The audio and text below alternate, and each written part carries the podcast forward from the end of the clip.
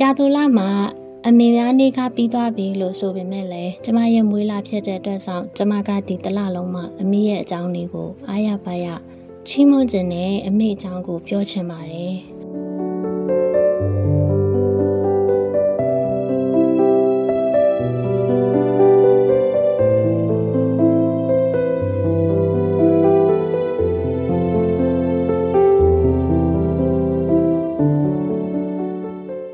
မကခုနတုံးကပြောခဲ့တယ်ပေါ့နော်မမေကအရန်လှတယ်အဲစပင်းကလည်းအရှိပဲခန္ဓာကိုယ်ကလည်းကိုလုံးကိုပေါင်းလှတယ်ဒီဟိုစစ်တပ်မှာလည်းဒါစစ်တူနာပြုအရာရှိဖြစ်တော့သူ့ကိုပိုးပန်းနဲ့လူကန်းလက်နဲ့လူဒီအများကြီးရှိရတဲ့အောင်မှာဒါဖေဖေကိုလက်ထပ်ခဲ့တာပေါ့နော်အဲဆိုတော့ဟိုပြောချင်တာကအာမမေအကြောင်းကြီးပြောရင်းနဲ့ကျမကလည်းဖေဖေနာမည် မပြောလိုက်ရဘူးပေါ့နော်အာဖေဖေနာမည်ကတော့ဦးမြင့်လွင်ဖြစ်ပါတယ်လို့အဲအားကြောင့်မလို့ကျမရဲ့နာမည်ရှေ့ဆုံးမှာပေါ့နော်လွင်ရင်ဆိုတာထည့်ထားတာပေါ့နော်ဖြစ်ပါတယ်လို့အားလေးပြောချင်တယ်အာမမေကဖဖေကိုရွေးချယ်ခဲ့ပေမဲ့အာကျမတို့မိသားစုကအရန်ကြီးချမ်းသာတဲ့အထက်မှာမပါပေမဲ့တော့နော်ဖေဖေနဲ့မမေကအာအခုဘဝတစ်ပေါက်ရောက်သွားပြီတည်ဆုံးတဲ့အထီကိုသူတို့နှစ်ယောက်ကတယောက်နဲ့တယောက်ပေါ့နော်တစ္ဆာရှိရှိပေါင်းသင်ခဲ့ပါတယ် မမေမာကအမှုပညာလည်းအရန်ဝါသနာပါတယ်ဗောနော်မမေကမမေရဲ့အဖေနဲ့အမေကအအရှင်ခေခါတုန်းကဆိုရင်မြို့ရဲ့မျက်နှာဖုံးလည်းဖြစ်ခဲ့တယ်ငွေကြေးပြည့်စုံလို့ပေါ့နော်ဒီစန်းတရားတွေလည်းရှိရဲစောင်းတွေလည်းရှိရဲအဆိုင်ဝိုင်းတွေကအစပေါ့နော်အိမ်မှာမမေကတော့ဒါဟိုပေါ့မြန်မာဆန်ဆန်ပေါ့နော်ဂီတကိုချစ်မြတ်နိုးတဲ့သူတွေဖြစ်တော့ မမေကတချင်းဆိုတာလည်းအရန်ကောင်းတယ်ဒါမမေရဲ့အရန်ကောင်းတဲ့အရေးချင်းတစ်ခုဖြစ်တယ်ပေါ့နော်ဒါကြောင့်လားမသိဘူးကျမကအရန်နုပညာဝါသနာပါတယ်တချင်းတန်ကြရင်မနေနိုင်ဘူးအဲကိုကဆိုရင်ဆိုမဆိုရင်သူများဆိုတာဆိုလဲအရန်အားပေးတတ်တယ်ပြီးတော့ဂီတအနုပညာကိုချစ်မြတ်နိုးတဲ့စိတ်ပေါ့နော်အဲ့ဒီစိတ်ကကျမရဲ့မမီစီယာရခဲ့တာဖြစ်တယ်ပေါ့နော်အဲဒီပုံလေးထဲမှာဆိုရင်မမေကစန်းနေရတီးနေတာပေါ့နော် ဒါကြတော့မေကနေရပေါ့နော်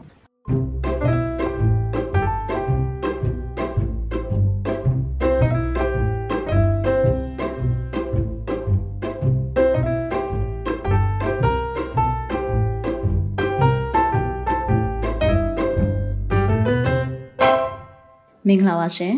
မင်္ဂလာပါခင်ဗျာမြန်မာစီနီမာအဘလက်တီနက်ဝက်ကထုတ်လွှင့်တဲ့ရီရီမောမောပေါ်ပေါ်ပပအစီအစဉ်ကနေကြိုဆိုလိုက်ပါတယ် ဒီအစီအစဉ်ကမြန်မာလူမှုနယ်ပယ်မှာမတန်ဆွမ်းမှုအသိပညာတွေညှင့်တင်ပေးနိုင်ဖို့မတန်ဆွမ်းအတိုင်းဝန်ကဖြစ်ရက်ဆုံးကဏ္ဍဆုံးကိုမတူညီတဲ့ရှုထောင့်ပေါင်းစုံကနေလွတ်လပ်ပွင့်လင်းတဲ့တွေးခေါ်ဆင်ခြင်နိုင်မှုတွေနဲ့မျှဝေလိုကြသူတွေရဲ့အသံတွေကိုပြုစုပြောထောင်ဖော်ထုတ်ပေးနေခြင်းဖြစ်ပါတယ်။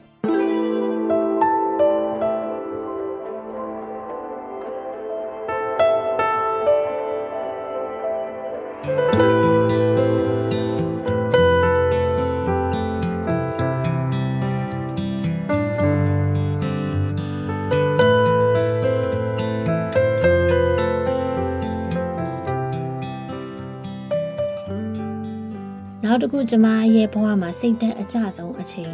တစ်ခုရှိခဲ့ပါတယ်အဲ့ဒါကတော့ဆယ်တန်းဆက်မှုပွဲဖြည့်တဲ့အချိန်ပေါ့မမေရောကကျမကိုအကြီးဆုံးသမီးဖြစ်တဲ့တက်ဦးဖြစ်တဲ့အခါကျတော့ဆရာဝန်ရန်ဖြစ်စေချင်ခဲ့တယ်ဒီကျမ်းမာရေးမကောင်းခန္ဓာကိုယ်ချွေးရင်းစာမွေးဖွားလာတဲ့အတွက်ကြောင့်သမီးလိုဖြစ်တဲ့သူတွေကိုသမီးကစိတ်ကူပေးရမှာဖြစ်တယ်ဆိုပြီးဆရာဝန်ဖြစ်စေချင်တယ်ကျမကလည်းအရန်ဖြစ်ချင်ခဲ့တယ်ကျမစာရီအရန်ကြက်ခဲ့တယ်ဒါပေမဲ့ဆရာဝန်မဖြစ်ခဲ့ဘူး ဆယ်ရန်ဆံမှုပဲအောင်တဲ့အချိန် reset ပေါ့နော်ထွက်လာတဲ့အချိန်မှာလုံးဝယူယူပဲအောင်တယ်ဆိုတော့ reset ကြီးထွက်လာခဲ့ပါတယ်အဲ့ဒီအချိန်မှာကျမကစိတ်တက်တွေတလလောက်ကျသွားခဲ့ပါတယ်လူတယောက်စိတ်တက်ကြတာတလဆိုတာဘလုံးမှမဖြစ်နိုင်ပါဘူးအဲ့ဒီအချိန်မှာမမေကကျမကိုဆွဲခေါ်ပေးခဲ့တယ်စိတ်အကြောင်းဆွေးနွေးတဲ့ဆရာတွေနဲ့တွေ့ပြီးတယ်ဖေဖေကတော့ဗုဒ္ဓဘာသာဆိုတဲ့အခါကျတော့ အာဆေးတောက်တာတွေဆေးနဲ့ကုထုံးလောက်တာတွေလုံးဝအားမပေးပါဘူးကျမကိုဘာသာရေးဘက်ကိုပဲလိုက်စီခဲ့တယ်ဘာသာရေးနဲ့ကုပေးခဲ့တယ်ပေါ့မြန်မာစကားအရဆိုရင်တော့ဖက်ရကုကုတယ်ပေါ့လေမမေကတော့စိတ်ပိုင်းဆိုင်ရာအဖြစ်အားလုံးဆွဲထင်တဲ့အဲ့ချိန်မှာကျမအခုအမေကိုရမ်းဒုက္ခပေးသလိုဖြစ်သွားတယ်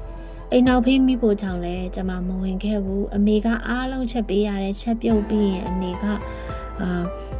ရုံးလဲသွားရတယ်အိမ်ရောက်ရင်ကျမကအိယာပေါ်မှာလုံးဝလဲပြိုနေပြီပြိုလဲကြနေတဲ့သမီးကိုလည်းကြည့်ပေးရတယ်ပြီးတော့ကျမစိတ်ကဘလို့ဖြစ်လဲဆိုဆရာဝန်မှမဖြစ်ရင်လူမဖြစ်တော့ဘူးငါကြရှုံးပြီးလုံးဝကြရှုံးနေဆိုတဲ့စိတ်နဲ့အသက်ရှင်ပြီးတဲ့အခါကျတော့ကျမကကျမရဲ့ခြေထောက်ကြီးကိုတော့ဖြတ်ပစ်လိုက်မယ်ဒီခြေထောက်ကြီးမလိုချင်ဘူးဆိုတဲ့စိတ်အထိစိတ်သက်ကြခဲ့တယ်ပေါ့နော် depression นี่ကျမအရန်ဝင်ခဲ့ပါတယ်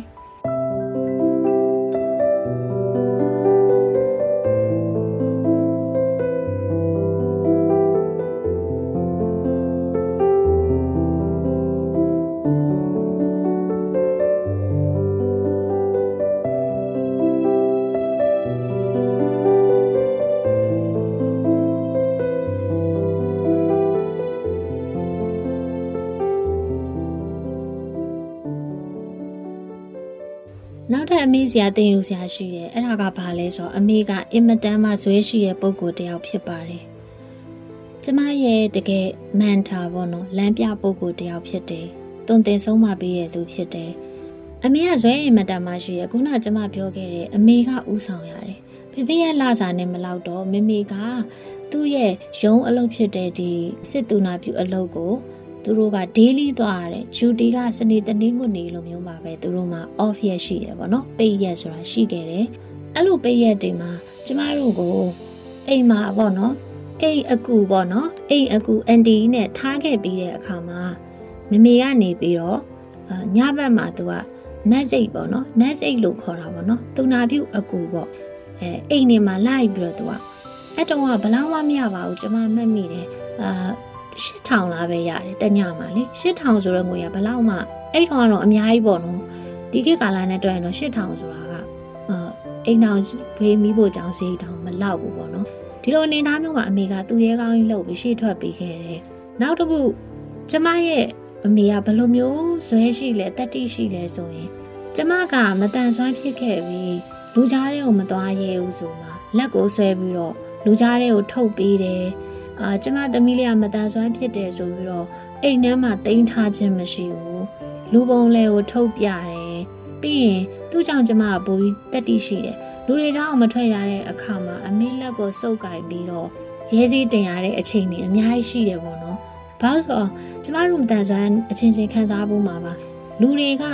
အပြင်ကိုထွက်လာပြီဆိုလူထူးလူဆန်းလို့ကြည်ကြတယ်တင်ငယ်စိတ်တွေဝင်လာတယ်အဲ့ကြရင်လမ်းဆက်မလျှောက်ချင်တော့ဘူးကျမဆို ရက်နေခဲ့တယ်ငါ့ကိုကြည့်နေရဲဆိုပြီးတော့ပေါ့ဟဲကျမကိုကြည့်နေရဲဒုက္ခပဲဟောအမေပါတာပဲအမေကငါလက်ဆွဲတော့မယ်အမေရှိရင်အားလုံးပြီးတယ်ဆိုတာမျိုး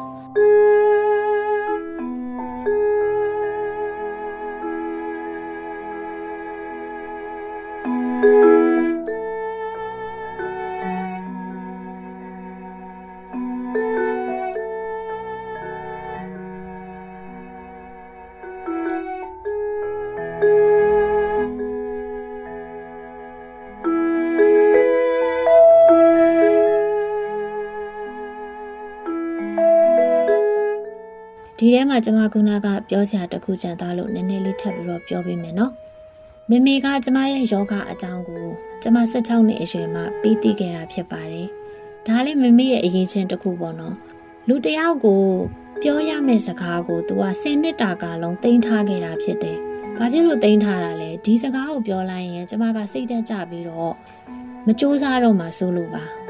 မမေကကျမကိုဘယ်လိုသိစေခဲ့တာလဲဆိုတော့ ကျမတနေ့မှာလေ့ကျင့်ခန်းလုပ်နေခဲ့ပါတယ်ဒီခြေထောက်လေ့ကျင့်ခန်းပေါ့နော်ကျမကဘယ်ခြေထောက်မတန်ဘူးပေါ့နော်လေ့ကျင့်ခန်းလုပ်တဲ့အခါမှာတနေ့ကို100 200 300 400နေကျင့်ခန်း၄မျိုးပေါ့နော်နေစနစ်၄မျိုးကိုတနေ့ကို၄ခါလုပ်ရပါတယ်တစ်မျိုးကို100နဲ့အကျိန်400လုပ်ရတယ်လုံနေတဲ့အချိန်မှာမမေကဒီနေ့မမေအပြင်သွားအောင်မယ်။သမီးဒီဇပွဲပေါ်မှာရှိတဲ့စာအုပ်ကိုဖတ်ကြည့်ပါဆိုပြီးတော့သူ့ရဲ့ diary စာအုပ်ကိုချခဲ့တယ် ချခဲ့တဲ့အချိန်မှာကျမကဘာလဲမသိဘူးဆိုပြီးတော့လေ့ကျင့်ခန်းလုပ်နေတာရက်ပြီးတော့မမေထွက်သွားတဲ့အချိန်မှာအဲ့ဒီစာအုပ်ကိုဖတ်ခဲ့ဖတ်တဲ့အချိန်မှာကျမကပိုလီယိုယောဂဝေဒနာခံစားနေရတယ်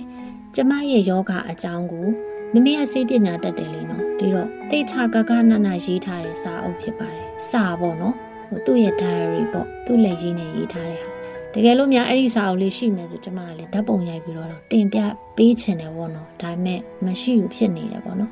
ကျမအရင်ခံစားသွားရတယ်နည်းနည်းစိုက်ကိုဝင်သွားတယ်ငါကအဲ့ဒီတော့ကခံစားနေရတာလားအမေကဘာဖြစ်လို့ပေးမသိတာလဲ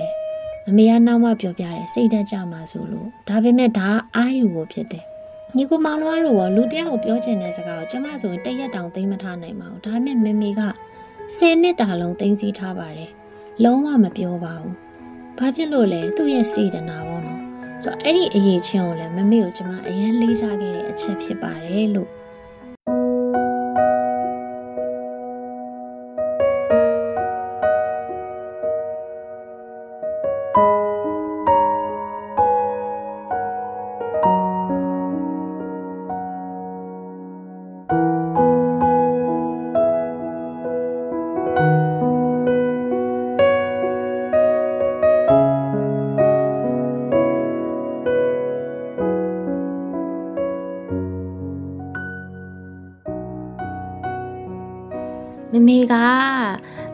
ဒီလိုမျိုးသူ့ရဲ့ပေါ့နော်ကုနာကရုံးကန်လှုပ်ရှားရရင်များတဲ့အခါကျတော့သူ့ရဲ့အားနည်းချက်လေးတစ်ခုပါပေါ့နော်လူမှုဆက်ဆံရေးလေးတော့နည်းနည်းညံ့နေပေါ့နော်တယောက်တည်းပဲနေတယ်အာအများနဲ့စကားမပြောချင်ဘူးနောက်နှုတ်စိတ်တယ်ပေါ့နော်အာဖေဖေကတော့အဲ့လိုမဟုတ်ဘူးအပေါင်းသင်းလဲဆက်နေသူကအလန်းပေးစည်းတဲ့ဟာအစအဲ့လိုမျိုးပေါင်းတက်တင်တဲ့တဲ့ပေါ့နော်အဲ့လိုမျိုးရှိတယ်ဒီလိုနဲ့ မမေကပေါ့နော်ကျမတို့ကိုစောက်ရှောက်ရင်းနဲ့သူ့ရဲ့အလုပ်တာဝန်တွေကိုလည်းပြီးမြောက်အောင်လုပ်တယ်လိုနေနဲ့ကျမတို့ဒီစစ်တပ်မှာတာဝန်ထမ်းဆောင်ရင်းနဲ့အာ58လောက်မှာပေါ့နော်မမေကအသွင်ပြောင်းနေဒီပကံဆက်ပေါ့တာယာရီပကံဆက်ကိုသူ့ရဲ့မိဘတွေရှိတဲ့နေကိုပဲတောင်းပြီးတော့ပြောင်းခဲ့တယ်ပေါ့နော်အဲ့ဒီမှာလည်းမမေကလက်ထောက်ဆက်ယုံမှုအဖြစ်ထပ်ပြီးတော့သူကအာ အရက်ဝင်းနဲ့ပေါ့နော်ဒီအရက်သားအနေနဲ့ထပ်ပြီးတော့ထမ်းဆောင်ခဲ့တယ်အဲ့ချိန်မှာလည်းကျမကမမေနဲ့အတူပြုစုပေးခဲ့တယ်သူအဲ့ချိန်ကစပြီးတော့မမေကဘာဖြစ်လာလဲဆိုတော့ဒါမမေရဲ့လောကရန်ရိုက်ချက်အပြင်းထန်ဆုံးအချိန်တွေပေါ့နော် တော့ဖေဖေကလာစာမလောက်လို့အာစီးပွားကိုတိုးရှာရတယ်ကျမတို့မိသားစုမှာမမေကဥဆောင်နေသူဖြစ်ခဲ့တယ်ဒါတွေကတိတ်ပြီးတော့ပင်ပန်းတဲ့အနေအထားမဟုတ်ဘူးတခြားသောမိသားစုဝင်တွေမှာလည်းရှိတယ်ဒါပေမဲ့ဒီကျမ်းမာရေးချို့တယ်တာပေါ့နော်မမေကအဲ့ချိန်မှာဘာတွေဖြစ်လာပြီလဲဆိုတော့ तू ကဟိုအဆုပ်ပေါ့မမေရဲ့အဆုပ်က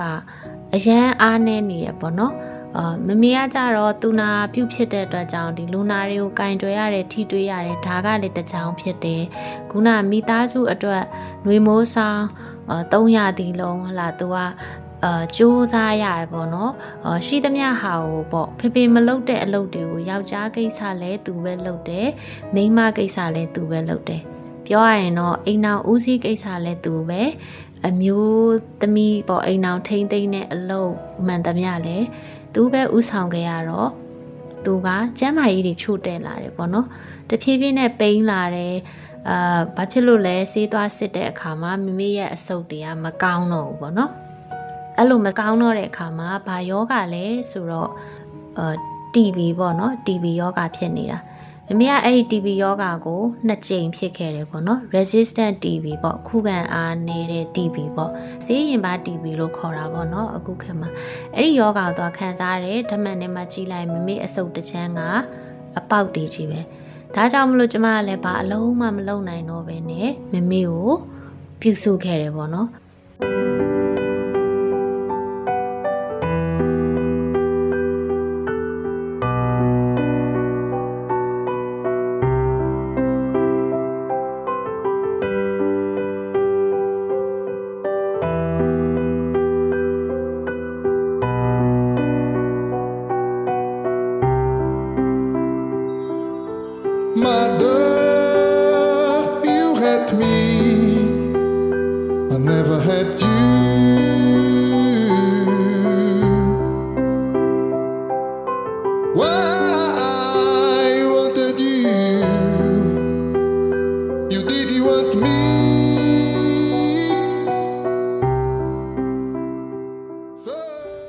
နဲ့နေလာနိုင်နဲ့ဘလို့ဖြစ်လာလဲဆိုတော့ကျမမတို့ဒီ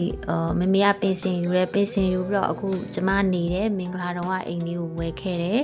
အဲ့ဒီအိမ်မှာပဲမမေနဲ့ဖေဖေကိုပဲဒီပင်စင်ငှားရတဲ့သူတို့ပင်စင်လာစာလေးနဲ့ပဲကျမကချက်ပြုတ်ကျွေးမွေးရင်းနဲ့ပဲပြုစုခဲ့တာပေါ့ဒီလိုနေနဲ့မမေကပထမဒီအစုပ်ကဒီတိုင်းငယ်နေလို့ရတဲ့အစုပ်ကကောင်းတယ်လို့လို့နဲ့သူ့ရဲ့ TV ကဆေးတောက်လိုက်ပျောက်သွားလိုက်ဆေးရုံတက်လိုက်နဲ့ အဲဖြစ်ခဲ့တယ်ပေါ့နော်အရန်သူ့မှာပင်ပန်းနေပေါ့နော်ဒီအိမ်ချင်းချင်းလေးထဲမှာတောင်မှအိမ်ရှိနဲ့အိမ်နောက်နဲ့သွားရတာကိုသူကအရန်မောနေတယ်ဒါကြောင့်မလို့ကျမကကျမတို့မောင်နှမတွေကပေါ့နော်အဲသူ့ကိုအောက်ဆီဂျင်တွေငှားပေးခဲ့တဲ့အိမ်မှာအောက်ဆီဂျင်ကိုအစင်သင့်ပေါ့နော်ထားပြီးတော့မှအာတနေ့ကိုနှစ်ခါလောက်ရှူရတဲ့အနေထားတိမမေကရောက်သွားခဲ့တယ်ပေါ့နော် အဲစဉ်းစားကြည့်မယ်ဆိုရင်တော့အရန်တနာဖို့ကောင်းတယ်ပေါ့နော်မမေရဲ့ဘဝမမေရဲ့ဘဝကအစားကားပြန်ပြောရမယ်ဆိုရင်ဒီရွှေပေါ်မြတင်ပေါ့နော်အားလုံးမိဘချမ်းသာတယ်ဒါပေမဲ့ငွေကြေးပြည့်စုံတာကိုမိဘလည်းစီးပွားရင်းပေးမယ်ဒီရွှေဆိုင်လုပ်ငန်းလုပ်ပါလား လို့ပြောတာမလုပ်ဖ ೇನೆ သူကကိုထူးကိုချွန်ကိုရဲ့ခြေထောက်ပေါ်ကိုရက်မယ်ဆိုပြီးတော့ဒါစစ်တပ်ထဲကိုဝင်ခဲ့တယ်ပြီးတော့စစ်တပ်ထဲမှာဒီအိမ်အောင်ကြတော့လဲပဲပေါ့နော်ငွေကြေးပြည့်စုံတဲ့ယောက်ျားကိုမရတဲ့ခါကျတော့ထပ်ပြီးပင်ပန်းနေပင်ပန်းပြီးတော့တခါကျမကတော့ဒါကျမကလည်းအကြီးဆုံးသားသမီးပေါ့နော်ဖြစ်တဲ့အခါမှာဒီသမီးလေးကလည်းခန္ဓာကိုယ်ချူရင်းနေဆိုတော့ အမေရဲ့ပူပင်တော့ကအမေရဲ့စိတ်ဖိစီးမှုတွေကဘလောက်များမယ်ဆိုတာကိုကျမကိုယ်တိုင်မြင်ခဲ့ရတာပေါ့နော်အမေကကျမကိုတိတက်စတွေကအဲ့ဟာလေးကိုဖြောဖြောပြတယ်ပေါ့နော်အဲ့ဒီအရာတွေအားလုံးကိုပြီးတော့ဟိုဖေဖေပေါ်မှာလဲစိတ်မကွက်ကိုအမြဲပြောတယ်မမေကဖဖေကိုစိတ်ခုသွားတယ်ထမင်းလည်းခူးမကြွေးဘူးဒါပေမဲ့လို့သမီးတို့ကခူးကြွေးရမယ်ဖဖေကိုယူသေးရမယ် မမေကဖဖေကိုဟလာစီးပွားတွေရှာမပေးနိုင်လို့ဒီလိုတွေပြောပေမဲ့ဖဖေကိုလေးစားရမယ်ဖဖေပေါ်မှာဟိုအယိုသေးတန်တဲ့စိတ်မဖြစ်နဲ့ဆိုတဲ့အရာအမြဲဆုံးမပေးခဲ့တယ်ပေါ့နော်ဆိုတော့သူမကကျမတော်တော်အရန်ကောင်းနေလူဖြစ်တယ်ပေါ့နော်ကျမရှိမှပြောသွားခဲ့တဲ့အတိုင်းပဲမမီးရဲ့သွန်သင်ဆုံးမမှုသူ့ရဲ့အမွေအာအဓိကအဖြစ်သူပေးတဲ့စိတ်ဓာတ်အမွေပေါ့နော်အဲ့ဒီတိုင်းပဲကျမအခုရှေ့ဆက်သွားပါတယ်ကျမကအခုဆိုရင်မိဘမဲ့တယောက်ဖြစ်တယ်ပေါ့နော်အမေမရှိတော့ဘူးအဖေလည်းမရှိတော့ဘူးမိဘမဲ့တယောက်ဖြစ်တယ်အာအရွယ်ရောက်တဲ့သူအသက်အနေထားရဒါတက်လက်ပိုင်းကိုရောက်နေပြီဆိုပေမဲ့ဘာကြောင့်ကျမတယောက်ထဲနေနိုင်လဲဒါအမေရဲ့ပေးရဲ့တက်တီပေါ့နော်အမေရဲ့ပေးခဲ့တဲ့သူ့ရဲ့လမ်းညွှန်မှုတိုင်းသွားလို့ကျမက ပတ်စံဆိုလဲစုတက်တယ်စုတက်ဆောင်တက်သွားတယ်ငွေချေးကိုလည်းစီမံခန့်ခွဲတက်သွားတယ်ကျမအလုံးနာတာအခုဆိုတစ်နှစ်ကျော်ရှိပြီအာကျမဝင်ငွေကအရန်နေတယ်ပေါ့နော်0အဆင့်ရှိတယ်ဒါပေမဲ့ကျမကမောင်နှမတွေထောက်ပံ့တဲ့ငွေနဲ့ဘယ်လိုမျိုးပေါ့ချိုးချံချွေတာပြီးတော့သုံးမလဲပြီးရင်အအပူဝင်ငွေရအောင်ဘယ်လိုရှာမလဲ အအဆရှိသဖြင့်ပေါ့မမေးလောက်တော့တက်တီမရှိဘူးလို့ထင်တယ်သူ့လောက်လဲဇွဲမရှိဘူးလို့တခါတလေကိုကိုယူဆမိတဲ့အခါတွေရှိခဲ့ပါတယ်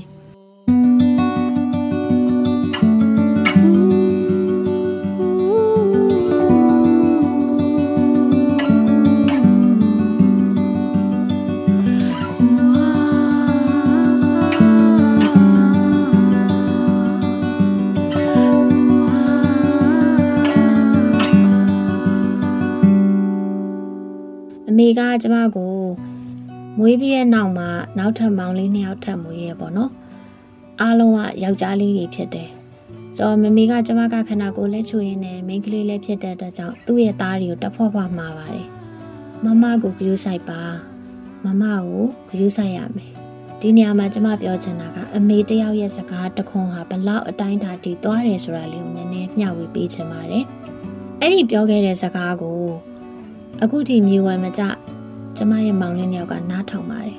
ကျမကအခုအိမ်အောင်လည်းမကြပါဘူးအလုပ်ကိုင်းလည်းမရှိပါဘူးဒီလိုမျိုးဖြစ်နေတဲ့အချိန်မှာသူတို့ကကျမကိုအများကြီးဖြူဆိုင်ပေးခဲ့တယ်တခါတလေမောင်နှမတွေရန်ဖြစ်ရင်ပြောတဲ့စကားရှိတယ်အမေရဲ့စကားလေးတကွန်ကြောင့်နင့်အောင်ငါဂယုဆိုင်နေတာအင်မတန်ကျေးဇူးတင်ဖို့ကောင်းပါတယ်မမေကချစ်ဖို့လည်းကောင်းပါတယ်မမေရဲ့စကားကိုနားထောင်ပေးတဲ့အတွက်သူတို့နှစ်ယောက်ကိုလည်းကျမကအရင်ကျေးဇူးတင်တယ်စိတ်ဖြစ်တယ်ပေါ့နော်မ သူတို့ကိုမမေကမှားခဲ့တဲ့စကားကိုသူတို့နားထောင်တယ်အမေတယောက်ပြောခဲ့တဲ့စကားအမေတယောက်ပြောခဲ့တဲ့အပြုအမူအမေတယောက်ရဲ့တင်ပြပေးမှုတွေရဲ့အောက်မှာကျမကကြီးပြင်းလာတဲ့အတွက်ကြောင့်အမေကိုတန်မိုးထားရကောင်းမှန်းသိပါတယ်အမေရဲ့အကြောင်းတွေကိုကျမပြောမယ်ဆိုရင်ခုနပြောခဲ့တဲ့အတိုင်းပဲပြောလို့မကုန်ပါဘူးဒီလောက်ဆိုရင်ညီကောင်မောင်နှမတို့ကကျမမမေရဲ့အကြောင်းမမေရဲ့ဘလို့ဘဝဖြစ်တန်းခဲ့ရတယ် ပြီးတော့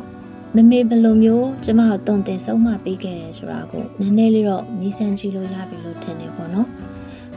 ကျမအမေရဲ့အကြောင်းတွေကိုအခုပြောပြသွားခဲ့တာဖြစ်ပါတယ်ပေါ့နော်အမမေရဲ့အကြောင်းတွေကိုပြောရတာကတော့ကိုရီးယားဇလန်တွဲရှိလို့ပဲပြီးနိုင်မယ်မထင်ဘူးပေါ့နော်အာတစ်ဖြက်တစ်ဖြက်ပြမယ်ဆို series လိုက်ဆိုအများကြီးရမှာပဲဖြစ်တယ်ပေါ့နော် အဲမမေရဲ့ဘဝအကြောင်းတွေကတော့ကျမကတော့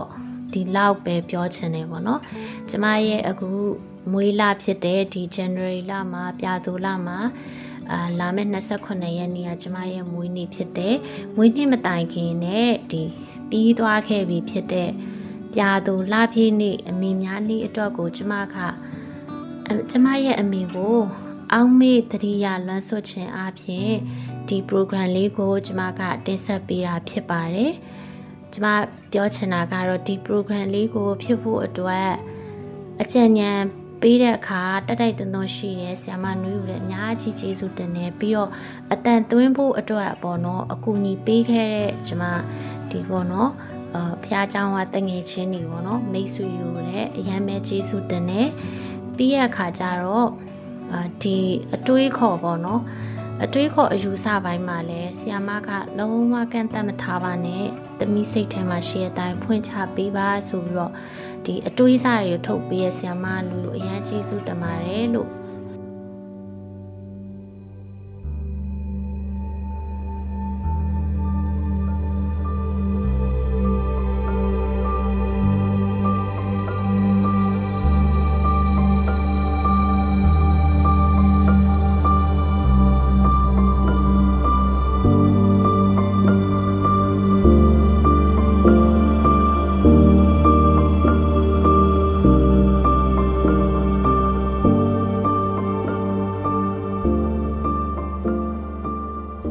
ကိုမောင်နှမတို့လည်းကိုယ့်ရဲ့မွေးလေးမွေးလာမှမဟုတ်ဖဲပဲပေါ့နော်ဒီကိုယ့်ရဲ့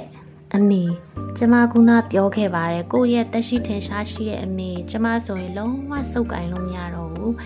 အမေဆိုတာကို ပြုစုခြင်းလို့လည်းအာကျမမှမရှိတော့ဘူးပေါ့နော်အာစိတ်နဲ့ပဲစိတ်မှန်းနဲ့ပဲအမေထားခဲ့တဲ့အမှတ်တရပစ္စည်းတွေအမေရဲ့ဟိုကုနာကပြောတဲ့နီးပေးလမ်းပြမှုတွေ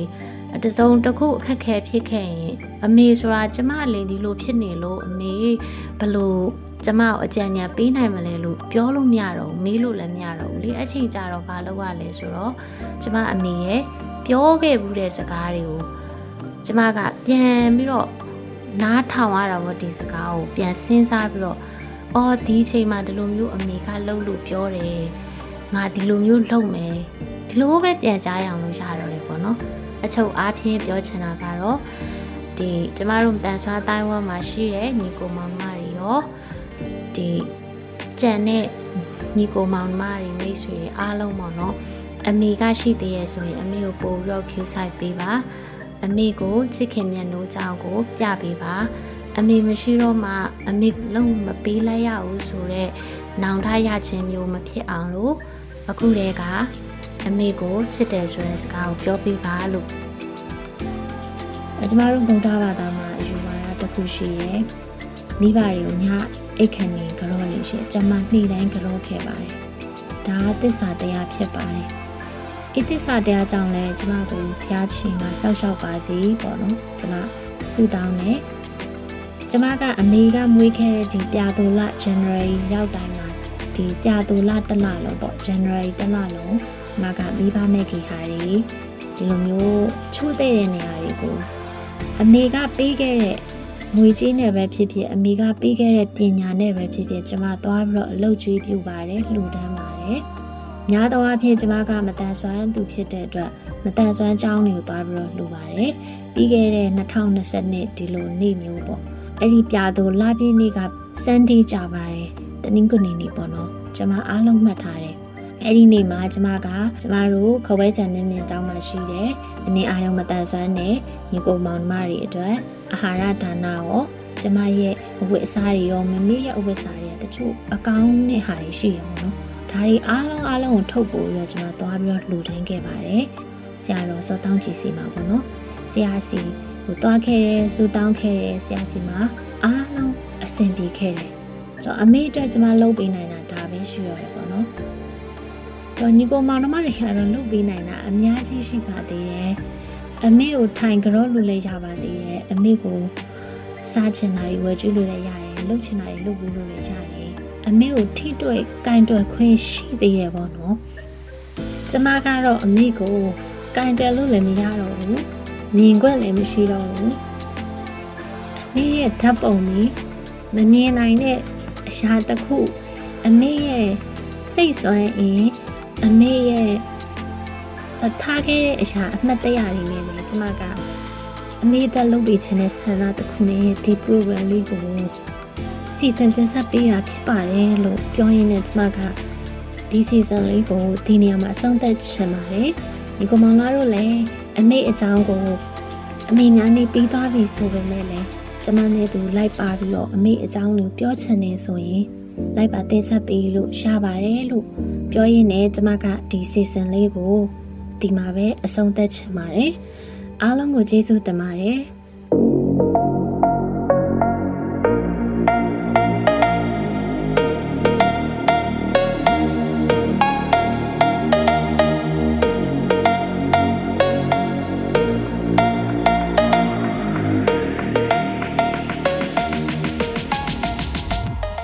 ယခုအစီအစဉ်ကိုမိတ်ဆွေတို့အနေနဲ့အ စအဆုံးနားထောင်ပြီးပြီဆိုရင်တော့မိမိတို့ရဲ့သဘောထားမှတ်ချက်များကို Anchor မှာအတန်နဲ့စာနှမျိုးလုံးနဲ့ဖြစ်စေ Facebook မှာစာနဲ့ဓာတ်ပုံနှမျိုးလုံးနဲ့ဖြစ်စေပေးနိုင်ပါပြီနော်ဒီအစီအစဉ်နဲ့ပတ်သက်ပြီးမိတ်ဆွေတို့ရဲ့မှတ်ချက်ပေးခြင်းအကြံဉာဏ်ပေးခြင်းမိမြန်းခြင်းတို့ကိုလည်းအထူးပဲဖိတ်ခေါ်ပါတယ်မိမိတို့ရဲ့ပူပေါင်းတင်ဆက်မှုအတွက်ဒါမှမဟုတ်စုံစမ်းမေးမြန်းမှုအတွက်စိတ်ဝင်စားတယ်ဆိုရင်တော့ မြန်မာ cinemaability@gmail.com ဒါမှမဟုတ်တင်ဆက်သူများရဲ့ Viber နံပါတ်များဖြစ်တဲ့ကိုပြည့်39 26 125 6493နဲ့မနွေ39 453939 6352တို့ကိုဆက်သွယ်ဆောင်ရွက်နိုင်ပါတယ်။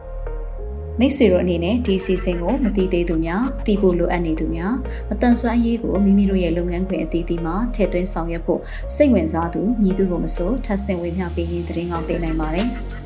မြန်မာပြည်သူပြည်သားများအားလုံးမတန်ဆွမ်းမှုအသိပညာတွေတိုးပွားကခွဲခြားဆက်ဆံမှုကင်းပြီးအားလုံးအကျုံးဝင်တဲ့လူမှုအတိုင်းအဝန်တစ်ခုကိုအမြန်ဆုံးဖော်ဆောင်နိုင်ပါစေလို့ဆန္ဒပြုရင်းဒီကနေ့အစီအစဉ်ကိုဒီမှာရင်ရနာပါရစေ တောတာရှင်အားလုံးနေ့ရက်အသက်တိုင်းမှာကောင်းစည်းမင်္ဂလာပေါင်းများစွာရယူပိုင်ဆိုင်နိုင်ပါစေလို့လည်းကျွန်မကဆုတောင်းမြတ်တာပို့တာအပ်ပါတယ်။နောက်အပတ်စနေနေ့ည9:00နာရီမှာပြန်ဆောင်ကြရအောင်နော်။